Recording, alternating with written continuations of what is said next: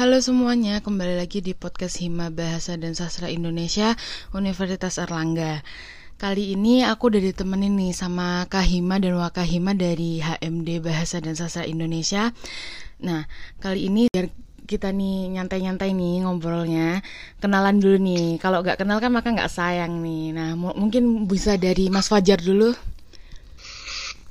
hmm, ya uh, perkenalkan nama saya Fajar Satrio mahasiswa Bahasa dan Sastra Indonesia angkatan 2018 yang saat ini menjabat sebagai Ketua Himpunan Mahasiswa Bahasa dan Sastra Indonesia. Oke, mungkin langsung ke wakilnya Mas Okto. Ya, uh, perkenalkan nama saya Oktorio Pratama Samputra, uh, biasa dipanggil Okto. Um, saya dari angkatan 2018 uh, Bahasa dan Sastra Indonesia. Di sini saya sebagai pendampingnya Mas Wajar, yaitu Wakil Ketua Himpunan Mahasiswa. Wah, mantap nih. Nah, kita ngobrol-ngobrol santai dulu nih, Mas. Kita apa aku mau tanya-tanya nih kabar-kabarnya Mas Okto dan Mas Fajar juga nih pas kuliah online kayak gini. Terus harus gimana namanya harus menghimpun bareng untuk hima. Gimana tuh, Mas? Selama karantina ini?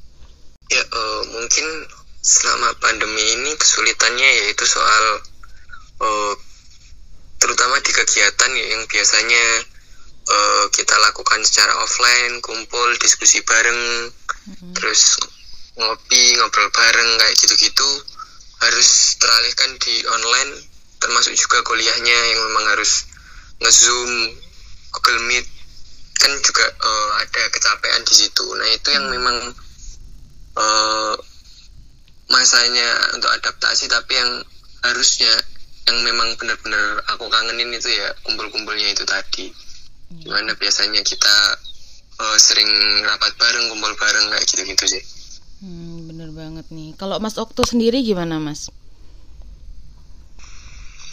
Ya hampir sama sih sama apa yang dibilang Fajar tadi. Hmm. ya kangen suasana kampus terus kangen kumpul sama teman-teman sama teman-teman di rumah ya gitu aja sih. Ya ya sama sih sebenarnya karena kan udah hampir satu tahun ya kita kan mulai libur kan tanggal 13 Maret kalau nggak salah itu. Nah yeah. sampai sekarang masih di rumah aja bertemu sama teman-teman semua ya. Ya ya udah kangen aja gitu mm-hmm. sama anak-anak Nah, uh, aku mau nanya nih Mas dalam pengurusan sendiri di HMD nih uh, dari sistem kerjanya yang mungkin sekarang kan kehambat karena uh, online gini. Uh, tapi kalau misalkan dari kontri apa namanya dari perdivisinya sendiri nih Mas, uh, kegiatan yang udah terlaksana nih apa aja nih Mas selama satu tahun pengurusan dari perdivisi dari yang Mas lihat sendiri gimana? Mungkin dari Mas Fajar dulu deh. Mas Fajar dulu boleh menjelaskan? Ya, uh, mungkin selama masa pandemi ini tentu banyak sekali hambatan-hambatan yang terjadi di mana kita awal perencanaan pembentukan program kerja itu biasanya dilaksanakan offline. Cuman karena kita memang harus dituntut untuk adaptif, uh, segala kegiatan terutama ketika uh, pandemi awal-awal itu di bulan Maret di mana kita memang dituntut untuk harus dilaksanakan secara online dan dalam tempo jangka panjang. Aku rasa uh, untuk persentase masing-masing divisi mengadakan kegiatan uh, sudah sampai ranah 75 sampai 85 persen yang terlaksana. Dan uh, karena memang ada hambatan-hambatan itu tadi yang memang biasanya program kerjanya offline harus dilakukan online tetapi tidak memungkinkan. Jadi e, banyak yang tidak terrealisasi tapi e, juga tidak memungkiri. E, banyak program-program kerja yang sudah bisa direalisasikan. E, mungkin salah satunya e, kita sudah upgrading alhamdulillah di awal-awal. Terus yang paling awal yaitu well part welcome party. Lalu ada juga uh, semesta sambutan buat uh, teman-teman mahasiswa baru yang biasanya memang dilaksanakan secara offline sekarang harus daring atau online.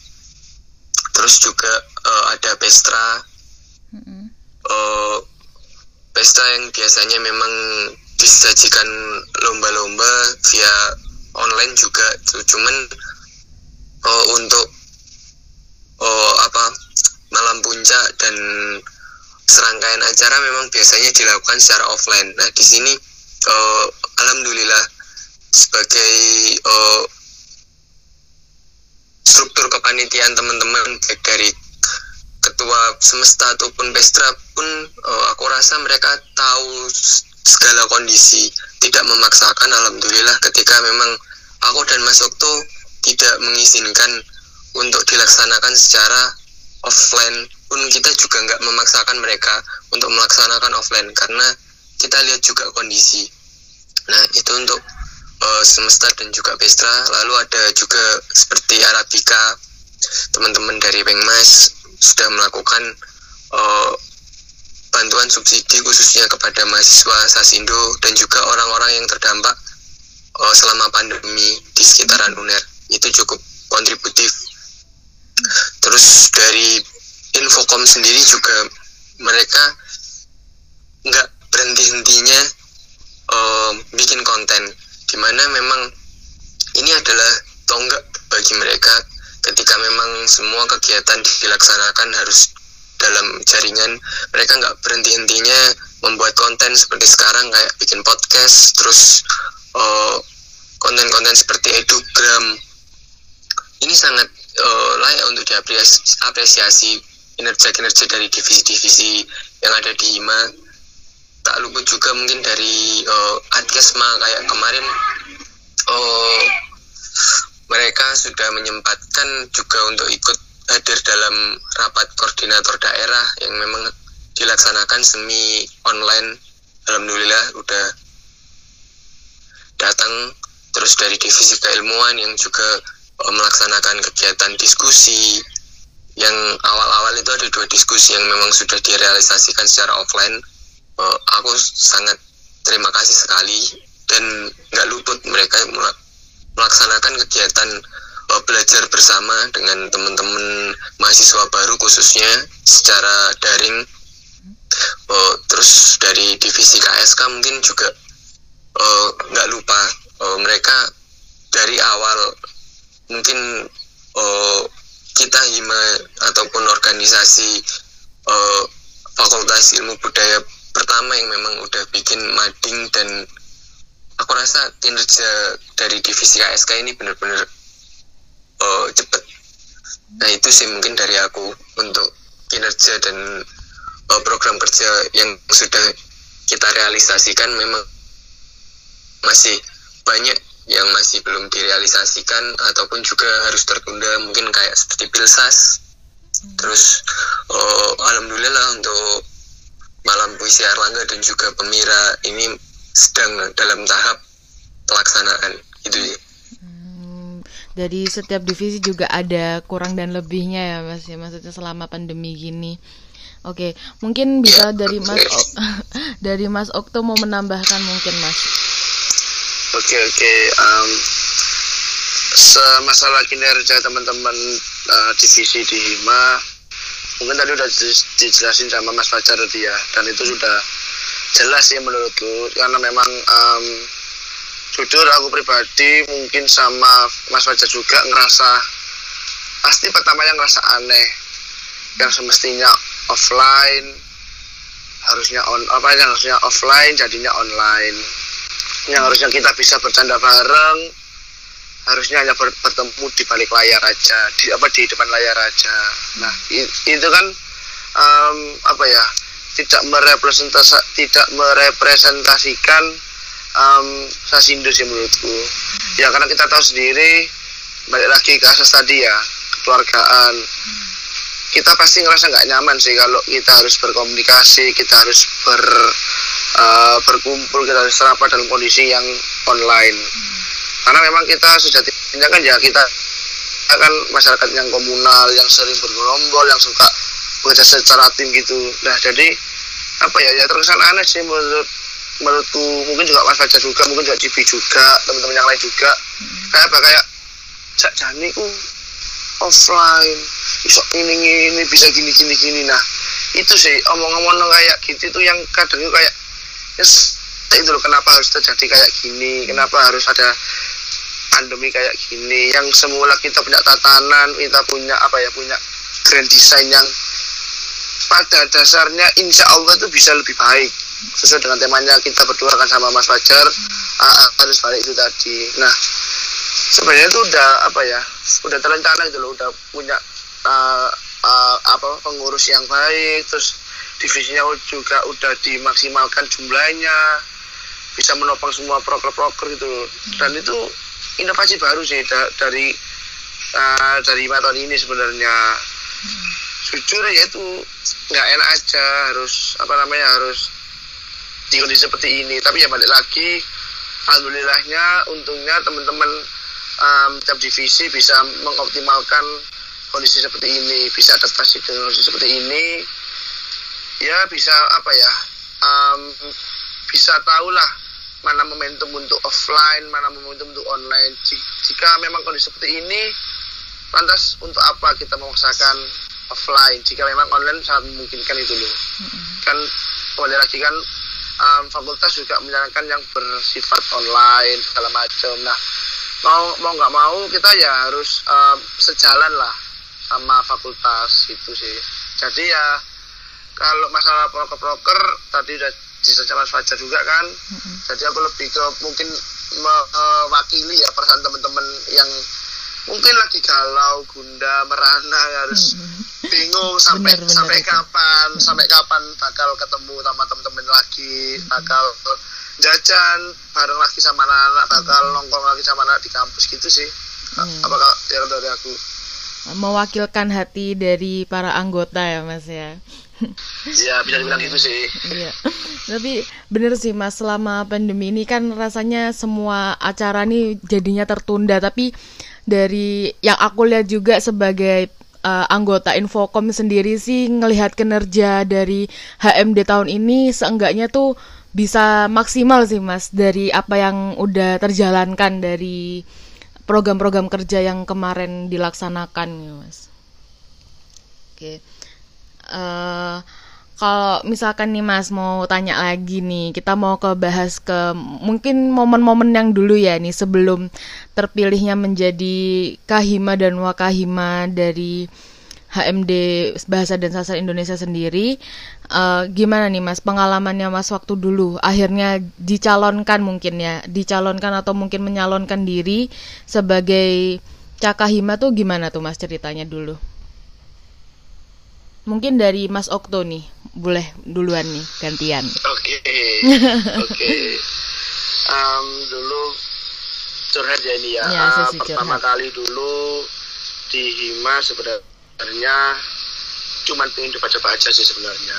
Cuman hmm. pengen ya partisipasi lah. Hmm. Karena ya dulu dari awal waktu masuk ke Sasindo sama mbak mbak mas mas sama mbak mbak dan mas masnya selalu dibilangin kayak um, kenapa kita nggak bangun rumah dulu? Kita bersihkan rumahnya dulu kita cat rumahnya dulu nanti kita baru keluar kita benerin kota lalu benerin negara. Nah dan di sini kan rumah kan biasa sindu ini kan rumah kita bersama rumah kita bareng bareng nah terus um, kenapa kok akhirnya memutuskan daftar hima dulu? Um, karena ya pengen kontribusi gitu loh. Dan divisi yang tak pilih memang cuma satu one and only gitu loh. Hmm. ya Apinpak karena menurut itu kan um, selaras sih sama ya hobi kan futsal ya ya olahraga lah pokoknya. Nah baiknya kan kalau di Apinpak itu kan nggak cuman yang secara akademis ya nggak cuman yang kayak baca puisi segala macam tapi juga nggak lupa juga yang non akademis nah hmm. jadi tadi yang ada kan ada latihan rutin juga jadi itu menurutku Apin Bak itu dulu dipilih eh tak pilih karena ya memang udah ngerasa nyaman aja yang pertama yang kedua pengen megang prokal latihan rutin terus yang ketiga yaitu tadi um, menindaklanjuti uh, sarannya mas-mas dan bapaknya tadi. Kalau mendingan dibangun dulu aja rumahnya.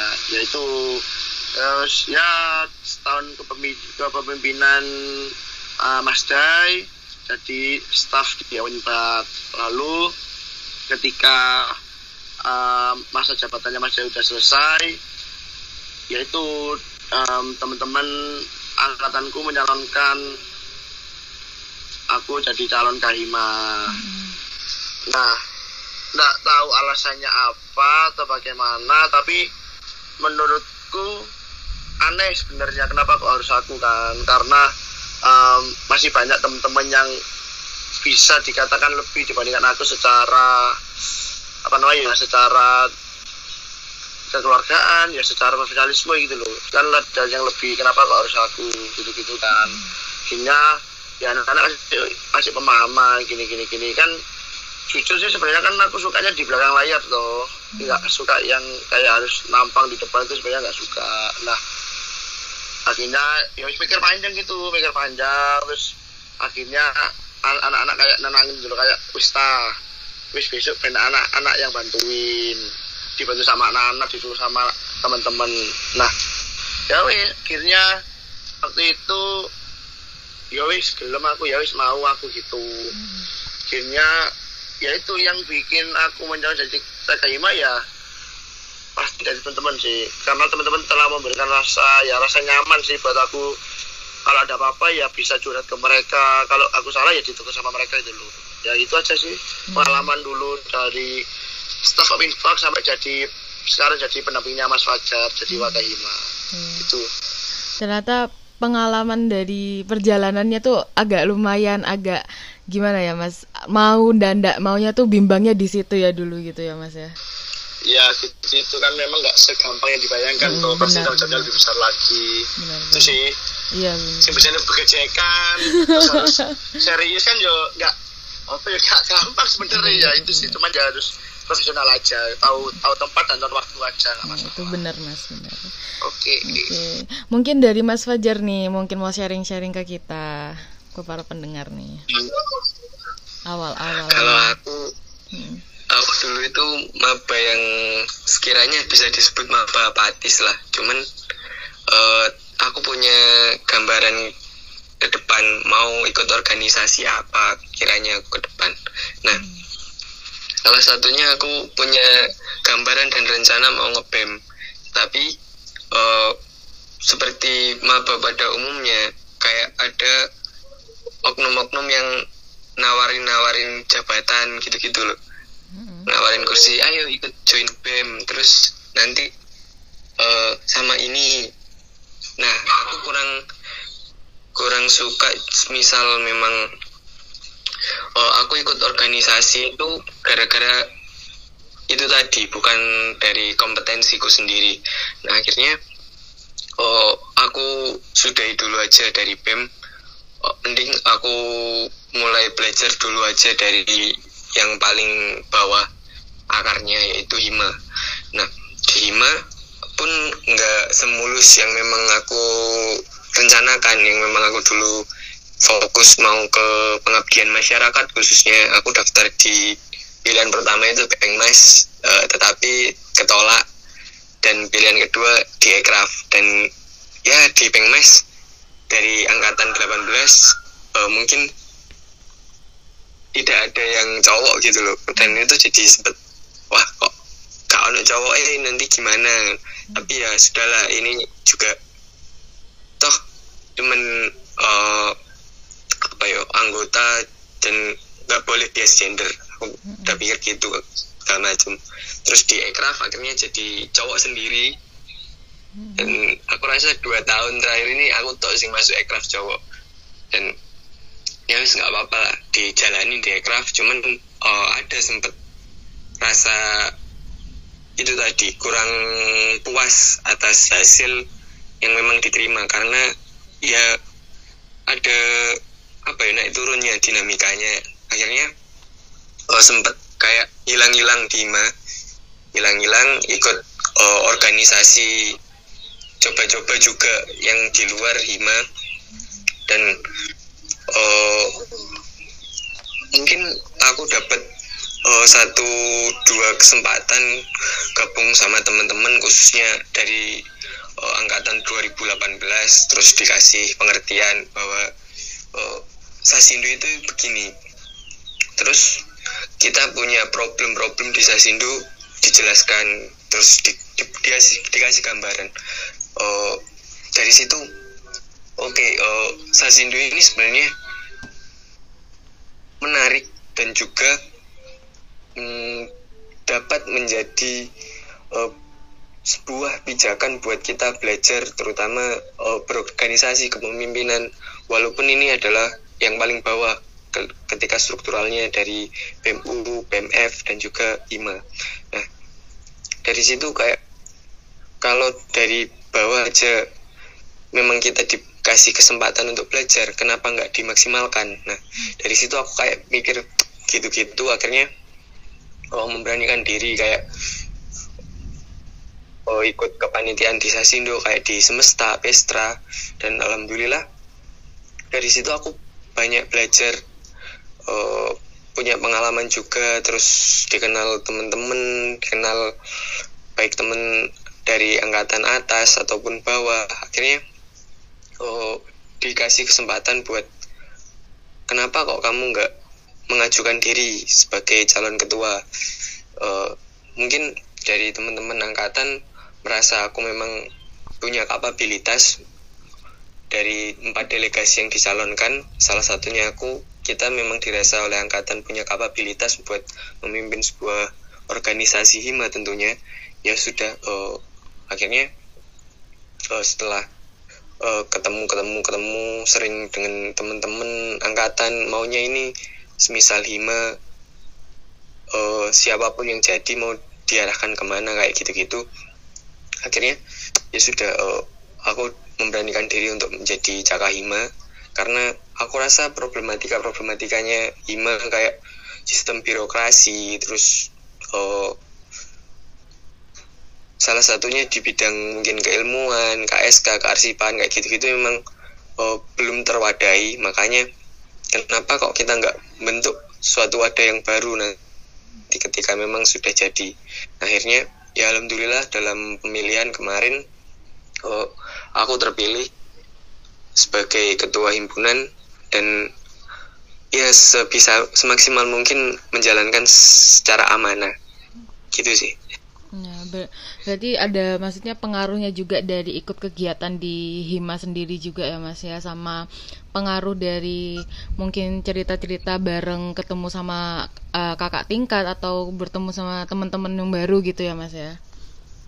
Ya, uh, bener banget. Hmm, sangat berpengaruh sekali memang, Mas.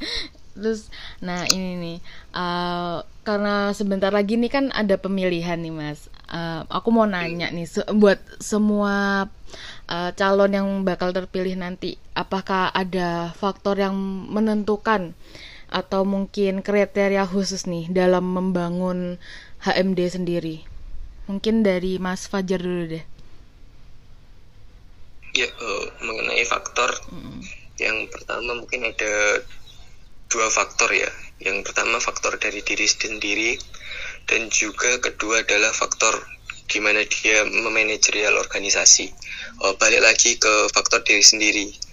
Uh, faktor diri sendiri ini ya faktor di mana kita memang menjadi seorang figur pemimpin di mana kita nantinya bakalan menjadi sorotan entah itu buat pengurus kita, anggota kita, dosen, ataupun juga himpunan mahasiswa yang lain, ataupun organisasi-organisasi yang lain seperti BEM, PLM, BSO, DLM, dan masih banyak uh, itu tadi. Kita harus siap itu jadi sorotan.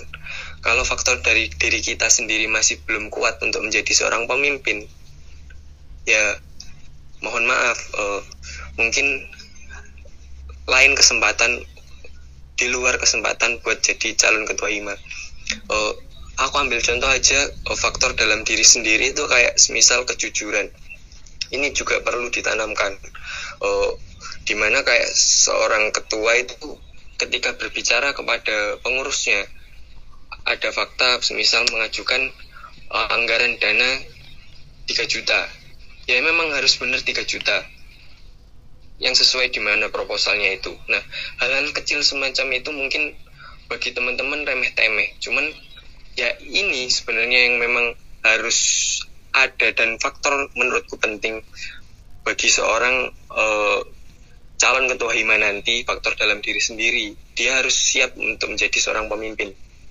Nah uh, terus lagi yaitu faktor manajerial organisasi. Gimana dia nanti uh, menurut teman-teman ada analoginya bahwa hima itu keluarga kan? Nah dia harus siap jadi bapak dia harus uh, istilahnya ngendek uh, di mana dia harus merendah uh, nggak egois harus aku pengen misal uh, pesta harus dilaksanakan secara offline udah titik apa pun keputusan kalian aku harus ini. Nah itu aku rasa tidak untuk seorang uh, calon ketua hima jangan sampai seperti itu karena kalian harus jadi bapaknya teman-teman. Kalian yang memang harus jadi pendengar kalian harus yang paling merasakan ketika teman-teman memang uh, punya kendala terus punya uh, inisiasi inisiatif sorry inisiatif buat misal kayak uh, infocom mungkin ya uh, bikin program kerja baru kayak bikin podcast. Ya kita sebagai seorang nanti bapaknya mereka harus mendengarkan kayak mas ini podcastku ada kendala gini gini gini. Terus ya kita ngasih masukan tetapi dikembalikan lagi. Oh, masukan itu nggak harus dilaksanakan oleh infocom tetapi ya dipertimbangkan. Nggak boleh memaksakan uh, sebagai seorang uh, bapaknya teman-teman nanti. Dan aku rasa salah satu faktor lain yaitu uh, soal siap siaga mungkin ya. Kayak kalau dihubungin uh, harus ada pun aku nggak memungkiri itu sangat uh, sulit dilakukan. Aku pun uh, hilang-hilangan juga. Uh, tetapi ada backup setidaknya kayak semisal Mas Okto yang memang nge-backup aku dari awal sampai sekarang sampai akhir yang semisal kalau aku uh, susah dihubungin langsung ke Mas Okto pun ada ataupun sebaliknya. Jadi uh, nanti pun teman-teman sejak kahima kalau memang diarahkan sebagai yang jadi kahima dan diberikan hak prerogatif untuk milih wakahima ya menyesuaikan itu tadi. Oh, kebutuhan dan fungsi dari uh, wakahimanya jangan hanya uh, menunjuk wakahima karena alasan-alasan uh, politis lah dulu karena dibantu atau gimana enggak. Uh, tapi memang uh, apa yang enggak kamu punya itu dipunya oleh wakahima itu menurutku ini salah satu pembelajaran juga sih memang. Karena aku kayak merasa apa yang memang aku nggak punya itu dipunyai masuk tuh sementara sebaliknya ya seperti kemarin yang tak contohkan kalau kita itu uh, analoginya kayak sama Pak Jokowi Ahok waktu memimpin pilgub eh sorry menjadi gubernur DKI Jakarta di mana Pak Jokowi itu gayanya yang kalem terus uh, Pak Ahok itu dengan statement-statementnya yang memang keras tapi di satu sisi itu yang memang saling melengkapi. Nah itu mungkin kita hampir punya karakter yang karakteristik yang mirip seperti mereka berdua itu sih menurutku Iya bener banget tuh mas. Apa namanya kalau misalkan sekedar cocok tapi eh uh, sekedar melengkapi tapi tidak cocok satu sama lain juga akan menyusahkan gitu kan ya mas ya. Benar-benar. Hmm. Uh, terlebih lagi mungkin uh, bagi anggotanya kayak loh kok kenapa dia kepilih gitu loh masih akan bakalan tanya-tanya kan hmm, bener banget oke mungkin dari Mas Okto nih ada mau nambah Mas? Mau menjelaskan nih? Menjelaskan apa ini Cipi menjelaskan apa nih? Uh, maksudnya ya tambah. Untuk okay, menjadi okay, wak, uh, wakil ya, yang ya. sesuai lah Mas. Iya.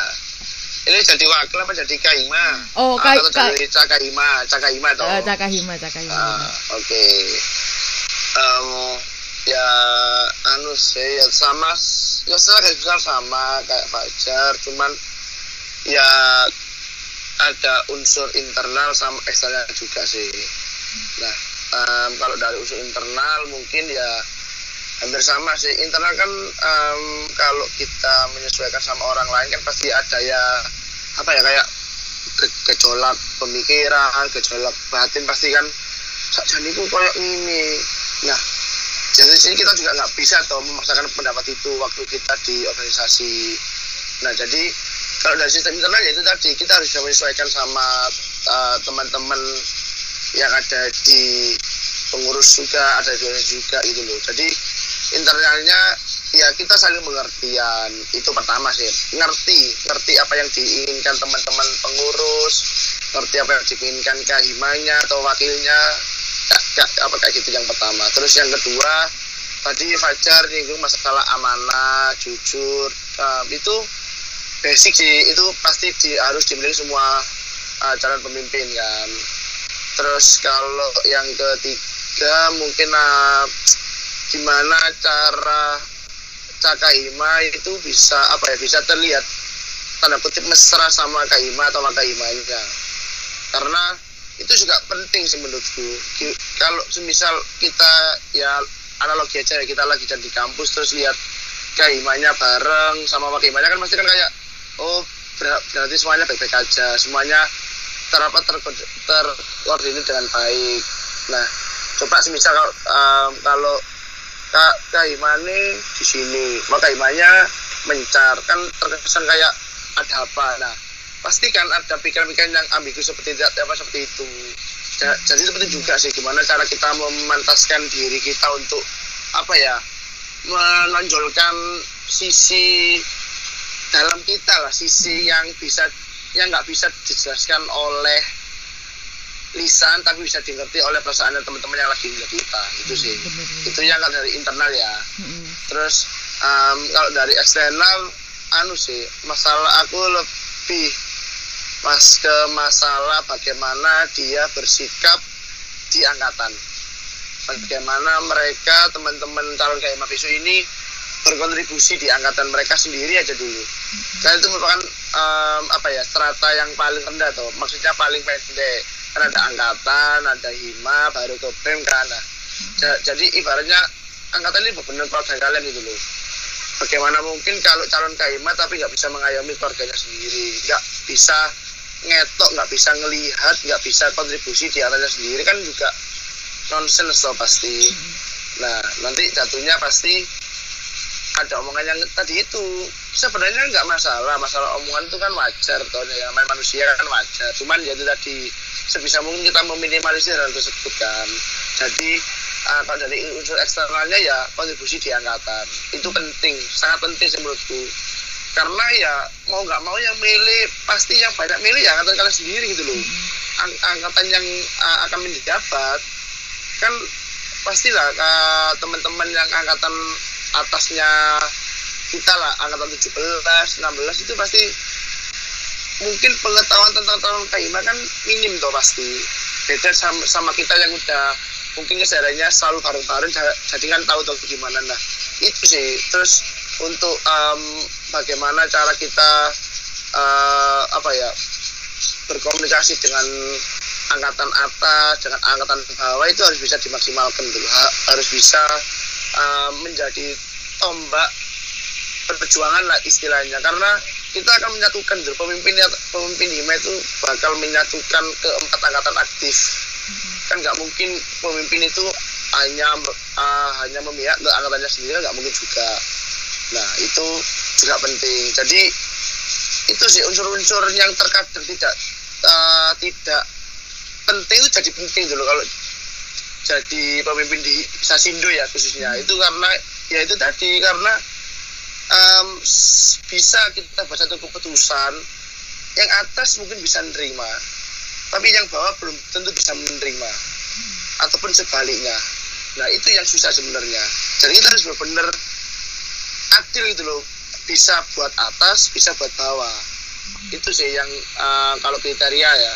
Terus sebenarnya nggak khusus sih ya wis. Basic menurutku ya menurutku itu cuma basic aja. Karena memang ya jadinya di Sasindo kan keluargaannya itu memang erat segala macam ya. Yang diberitahu juga kan gak seperti hmm. gitu toh. Benar. Ya, ya ya itu sih yang mendasar. Itu aja sih syaratan ibaratnya harus uh, dari mendekatkan diri ya mas ya sama anggota-anggotanya sama uh, cutting sama adik tingkatnya gitu ya mas ya? Ya mereka harus bisa tune in lah. Mereka hmm. harus bisa ma masuk ke circle-nya mereka itu. Hmm, itu sih. Hmm. mungkin nih yang terakhir nih mas uh, ada harapan-harapan nggak buat uh, HMD ke depannya mungkin dari mas Fajar dulu nih uh, mungkin uh, satu lagi mungkin ya kriteria hmm. yang belum oh iya boleh yaitu boleh. soal uh, hubungan dengan pihak-pihak di luar HMD hmm. kayak semisal uh, dosen terus BEM, PLM dan juga banyak sekali yang nggak bisa aku sebutkan ya hmm. uh, terkait komunikasi bagaimana seorang pemimpin itu uh, nanti seorang cakahima memang harus dituntut untuk punya komunikasi yang memang bagus. Nah itu balik lagi ke mungkin basic inter basic dirinya sendiri ya tapi ya dengan gaya retorikanya dia nanti gimana kayak di publik ataupun di di luar itu itu juga masuk sebagai aspek sebagai calon kahima nanti nah tadi pertanyaannya uh, mengenai harapan ya, ya harapan ke depan. ya uh, mungkin sebagai uh, ketua dan wakil ketua Himas sekarang apa yang memang belum terrealisasi di Himas sekarang ini diharapkan bisa dilanjutkan di Hima ke depan? Apa saja yang memang masih belum terrealisasi dari program-program kerja kita? Terus uh, sistem birokrasi kita terus uh, jejaring komunikasi yang lebih luas yang memang uh, sekarang masih terkungkung aku menurutku karena kita kayak kata dalam tempurung di masa Sindu di sini. Mungkin teman-teman ke depan bisa mengembangkan memang oh, Sasindo yang bisa menjadi hima lintas prodi lintas generasi di mana bisa mengayomi oh, lebih luas lagi bukan hanya empat angkatan aktif tetapi juga kayak alumni terus uh, bersinergi juga dengan Departemen Bahasa dan Sastra Indonesia. Tidak lupa juga uh, punya komunikasi yang baik dengan pihak fakultas, pihak BEM, PLM, dan hima-hima di Fakultas Ilmu Budaya sendiri, hima-hima di luar universitas juga bisa karena memang kita sudah merambah dan apa yang sudah kita kerjakan uh, sekarang saya harapkan yang baik-baiknya diambil dan dilanjutkan ya monggo. Yang jelek dan buruknya buat teman-teman khususnya angkatan 19 uh, jadi pelajaran biar teman-teman sekalian nggak mengulangi kesalahan yang sama seperti apa yang kakak-kakakmu ini lakukan. Uh, aku rasa bahasa Sindu uh, menurut dari tahun ke tahun itu katanya gradasinya warna itu kayak berkurang. Maksudnya oh, kita lebih condong ke permodelan eksistensi kayak semacam itu ya ini mungkin juga berpengaruh ke zaman. Tinggal aku kembalikan lagi teman-teman khususnya yang bakalan jadi pengurus nanti di angka ganjil genapnya 1920 uh, bagaimana kalian nanti membuat program kerja yang memang merata. Itu sih menurutku. Oke mas Okto boleh menambahkan nih oke terima kasih Cipi nah tadi kan um, uh, saya ya aku sama Mas Fajar kan udah menyinggung masalah keluargaan nah ini tadi aku juga nyinggung masalah angkatan 19 atau yang bakalan menjabat uh, besok apa tahun depan untuk lima tahun depan nah kira-kira kan Cibi kan juga anggota angkatan 15 toh. Iya. Kira-kira Cibi sendiri punya nggak sih kriteria seperti apa pemimpin yang um, calon kaima, calon wakil kaima yang uh, diharapkan oleh Cibi ya. Mungkin Cibi juga bisa mewakili teman-teman yang lain juga, sih mungkin. Nah itu hmm. ya gimana gitu loh. Coba mungkin bisa disampaikan biar teman-teman juga tahu juga itu loh itu aja sih Oke, kalau menurut aku ya Mas, selama di HMD sendiri, uh, mungkin karena ini uh, masih dari ranah online ya, jadi tidak ada, uh, maksudnya dari Kahima dan Wakahima sendiri, uh, aku udah merasa bangga sih punya ketemu sama Mas Fajar dan Mas Okto gitu. Kayak apa maksudnya masih meskipun online gini masih di masih dekat dengan adik-adiknya masih dekat dengan teman seangkatannya sama cuttingnya juga masih ada hubungan gitu loh mas. Tidak meninggalkan lah ibaratnya.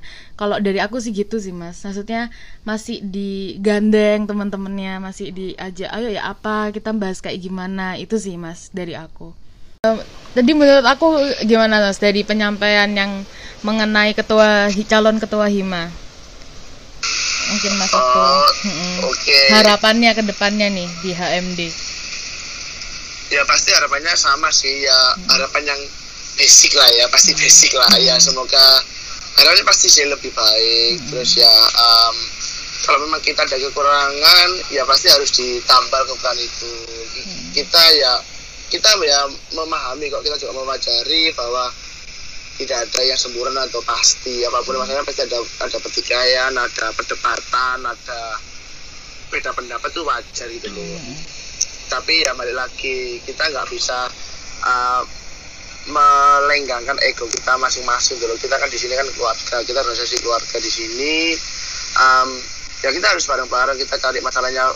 Kalau memang kita ada masalah ya harus bareng-bareng. Jangan cuma dihadapi oleh misalnya Ima atau Wakaima aja. Nah itu sih jadi apa ya? Lebih komunikasi kan penting tadi ini gimana cara um, cara kita semua buat bersatu buat apa ya? Istilahnya buat cari chemistry lah cari chemistry satu sama lain. Terus pasti sih pasti anak-anak mikir misalnya pengurus yang maba-maba ya aku mau nopo mas Kaimani sungkan gak kenal soalnya. Nah itu sebenarnya itu sih yang pengen kita hilangkan dulu sama aku sama Fajar hilangkan kan kayak gitu. Jadi wis lah wis gak perlu sungkan-sungkan mesti terbuka aja dulu sih. Maksudnya kalau emang mau curhat ya monggo. Sedang kita terbuka dulu. Nah itu sih ya. harapan itu hima nggak melulu soal harus konteks yang proker proker dan proker itu loh. Enggak ya kalau kalau emang ada anu ya sharing aja itu nggak masalah gitu loh. Cuma, cuma ya kita kan harus tahu waktu juga tahu konteks tempat dan waktunya kayak gimana. Itu aja sih harapannya ya. Pasti semoga lebih baik semoga pemimpinnya amanah. Terus transparansi juga penting juga sih. Itu sih dari, dari aku iya. Makasih ya Mas Fajar dan Mas Okto udah nyempetin waktunya ya. Semoga dari podcast ini mungkin calon ketua Hima uh, nanti bakal dengerin dan akhirnya terinspirasi dari cerita-ceritanya Mas Okto dan Mas Fajar. Terima kasih ya Mas. Oke Cipi sama-sama terima kasih juga. Ya. Oke. Yuk sama-sama.